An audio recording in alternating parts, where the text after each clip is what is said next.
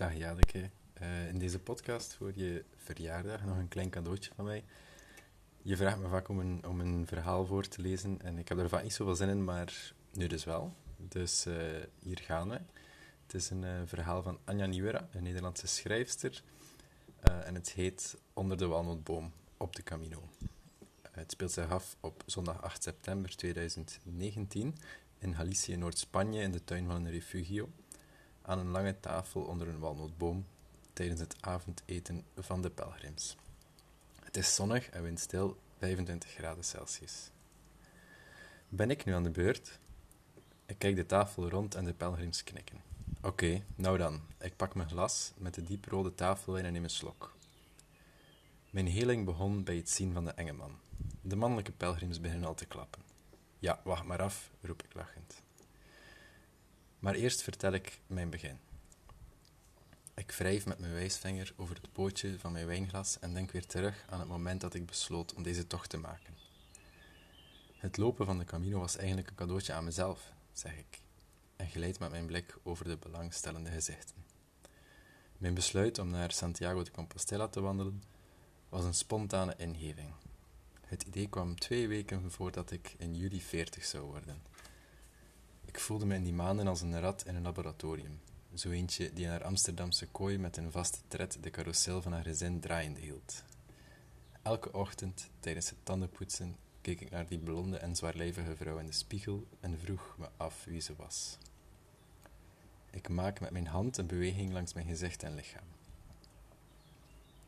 Ik zeg het maar eerlijk, ik had een burn-out en had überhaupt nergens meer zin in. Ik deed trouwens wel van alles om mijn positieve gemoed terug te krijgen. Ik ging rekken en strekken op een yogamat, ik babbelde met een therapeut en ik zong klinkers met boeddhistische monniken. Maar niets hielp. Mijn gedachten bleven de donkere hoeken van mijn geest verkennen. De kanteling kwam toen ik een klasgenootje van vroeger tegen het lijf liep. Ze woonde aan het begin van onze straat en ze was bezig met verhuizen. Ik had haar al een tijdje niet meer gezien. Ze was veranderd, in de positieve zin, en ze straalde. Ze had de Camino gelopen en ze wist na drie maanden wandelen ineens weer wat ze wilde met haar leven. Ze ging een camping beginnen in de Franse Dordogne. Een droom die ze al koesterde sinds haar negentiende. Maar de zorg voor het onbekende had haar weerhouden om haar idealen ten uitvoer te brengen. Op de Camino had ze geleerd om haar angsten los te laten, zei ze. Mijn medepelgrims knikten opnieuw en met een glimlach neem ik nog een slok van mijn wijn. Ja, echt wel. Haar woorden deden wat met me en die avond vertelde ik mijn man en dochters dat ik de Camino ging lopen.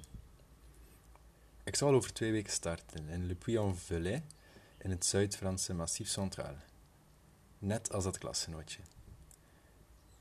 En mijn start zou samenvallen met mijn veertigste verjaardag. Ik gaf mezelf symbolisch de Camino als verjaardagscadeau, als afsluiter van mijn jonge jaren en als start van mijn middelbare jaren. Mijn man was geschokt over mijn plan hij ruziede en presenteerde een lange lijst met argumenten die me moesten overtuigen dat het een slecht idee was. Te beginnen natuurlijk met mijn zwakke plek, onze dochters van 16 en 14. Die konden toch niet zo lang zonder hun mama? Mijn meiden vonden van wel. Toen kwam de economische bewijsvoering, zoals het verlies van mijn klanten. Ik ben een freelance tekstschrijver en mijn man waarschuwde me dat mijn opdrachtgevers tijdens mijn afwezigheid misschien andere bureaus zouden inzetten. We zouden straks misschien onze hypotheek niet meer kunnen betalen. Ik antwoordde dat ik in de vakanties sowieso niet veel opdrachten had. Bovendien zou ik mijn reis financieren uit mijn pensioenpot. Daarop zette mijn man groot geschut in. Hij ging me bang maken met de dood. Hij had de woorden van Camino en murder gegoogeld en toonde me enkele artikelen over alleenreizende vrouwelijke pelgrims met wie het niet goed was afgelopen. Er waren enge mannen op de Camino. Ik aarzelde een paar dagen, maar uiteindelijk besloot ik toch te gaan. De twee Amerikaanse meiden tegenover me beginnen te klappen en roepen: You go, girl, go. Nou ja. En toen ik dan op 3 juli om 8 uur 15 met mijn credential als erkende pelgrim de kathedraal van Le Puy-en-Velay uitliep, en met mijn 10 kilogram zware rugzak de eerste stappen op de Camino naar de Santiago de Compostela zette, begon ik inderdaad conform de afspraak over mezelf te filosoferen. Maar ik deed dat niet op de juiste manier. Ik dacht helemaal niet na over mijn leven, maar over mijn pijntjes. En die pijntjes waren overal. Bij mijn tenen, mijn knieën, mijn schouders, mijn opgezwollen vingers en zelfs aan mijn kies. Want al na een paar kilometers kreeg ik warempel iets wat op kiespijn leek. Die pijn was na een uurtje weer weg, maar werd vervangen door een zeurende druk op mijn heup. Echt wel, mijn hele lichaam rebelleerde. En niet alleen mijn spieren en gewrichten, zelfs mijn huid was in opstand. Mijn rug jeukte verschrikkelijk, ondanks dat ventilerende frame van mijn gloednieuwe Osprey. Vanwege die jeuk stopte ik veel. Telkens wanneer ik ergens een laag muurtje passeerde, ging ik even zitten en liet mijn rugzak een minuut op de steen rusten, om zo mijn schouders even te ontlasten, waarna ik met een takje over mijn rug bewoog. Kijk zo, ik pak een lepel en demonstreer hoe ik mijn krabsessies deed. Mijn tafel ligt dubbel. Echt, ik kan jullie zeggen dat krabben was zo lekker. Ik kreunde van genot. Waarna ik weer opstond en ik mijn lijden weer hervatte. Maar goed, de eerste ochtend ging alles nog over een open vlakte. Dus niet het goede werkterrein voor enge mannen.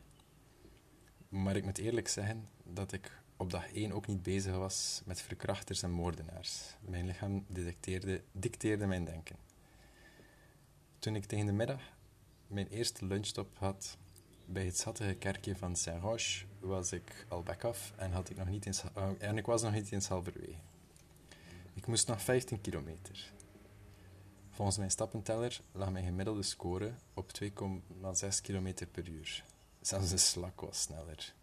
Ik had overal pijn en belandde in mijn eerste Camino-crisis. Ik weet het, jullie kregen die pas na twee weken. De afhaakgedachten kwamen. Wat bezielde me om dit te doen? Ik moest stoppen met de Camino. Want wandelen was niks voor mij. Mijn man, mijn man kreeg verdomme nog gelijk ook. Hij had al voorspeld dat ik binnen 48 uur naar huis zou komen. Mijn ongetrainde lijf zou dat lopen met die rugzak nog geen dag volhouden.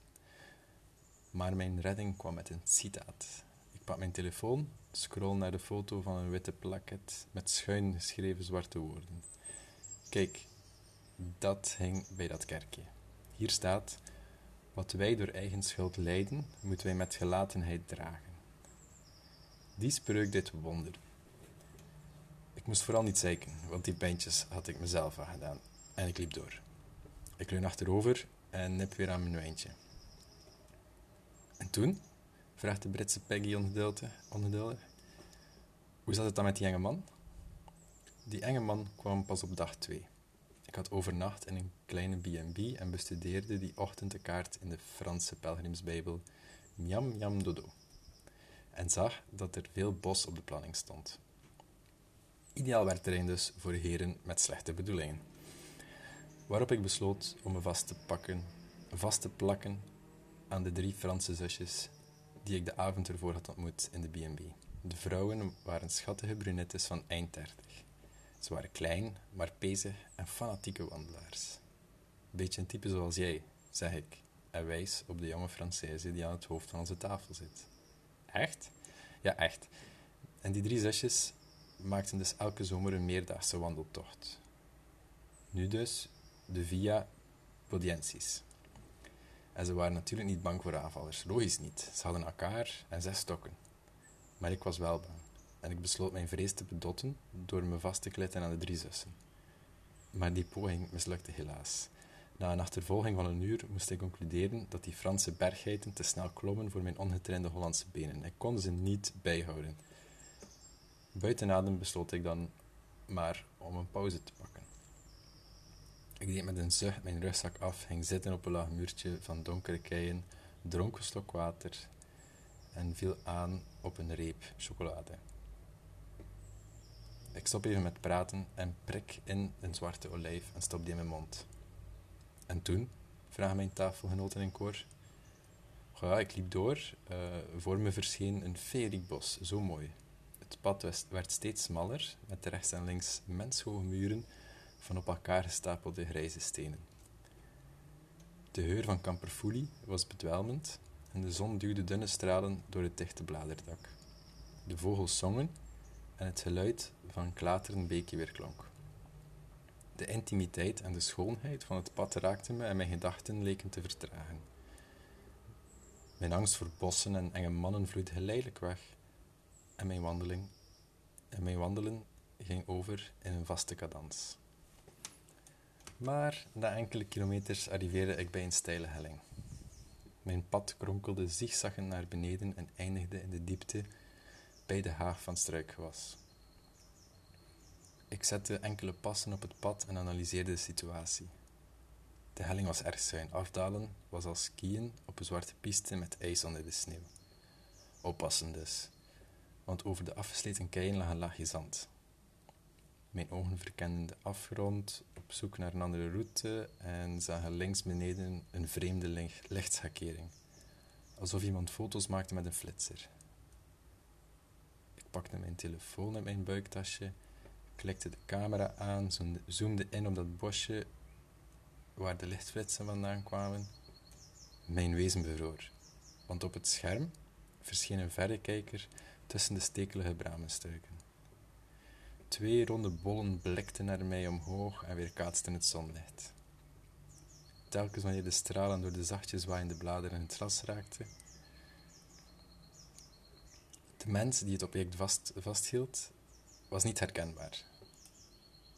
Wel de handen met de witte huid. Mijn hart begon wild te bonken. Mijn wijsvinger duwde op het scherm en maakte een foto. Mijn brein redeneerde wat, die figuur daar, wat doet die figuur daar tussen de struiken? Hertjes bekijken, of bijtjes, of vogeltjes, of toch mij?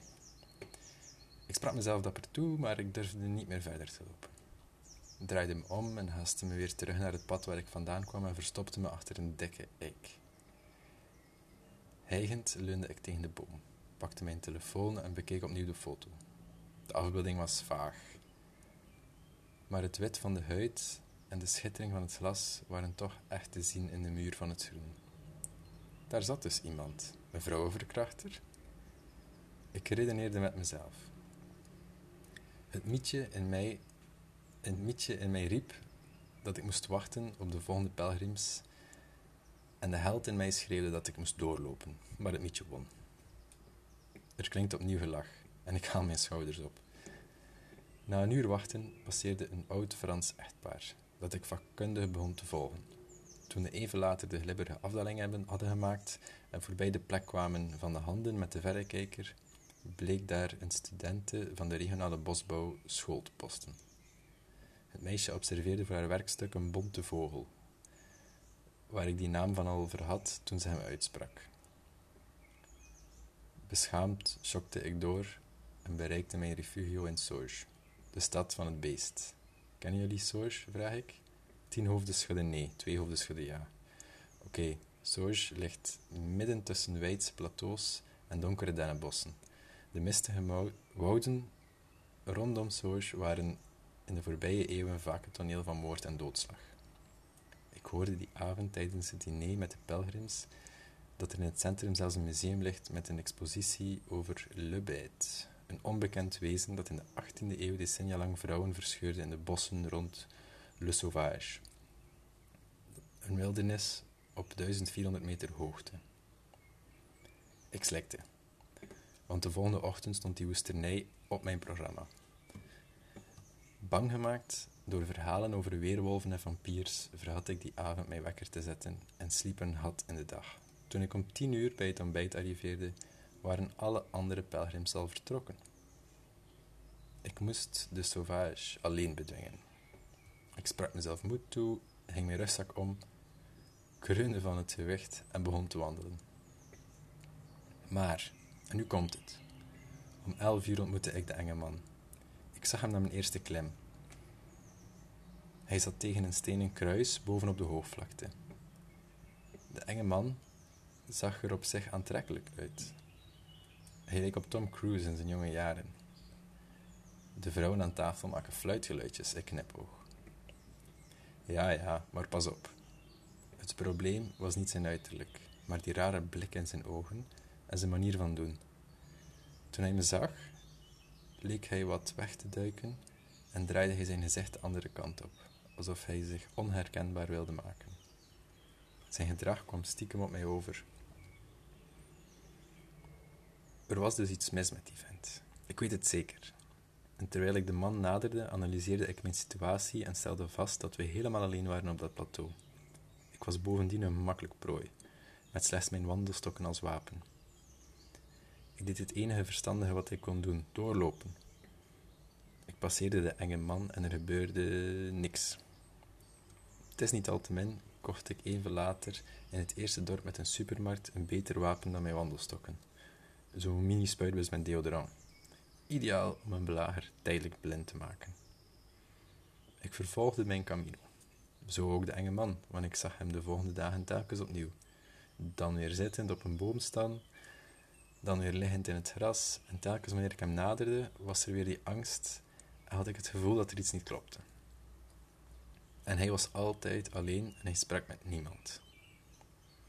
Op de zevende dag kreeg mijn gevoel gelijk.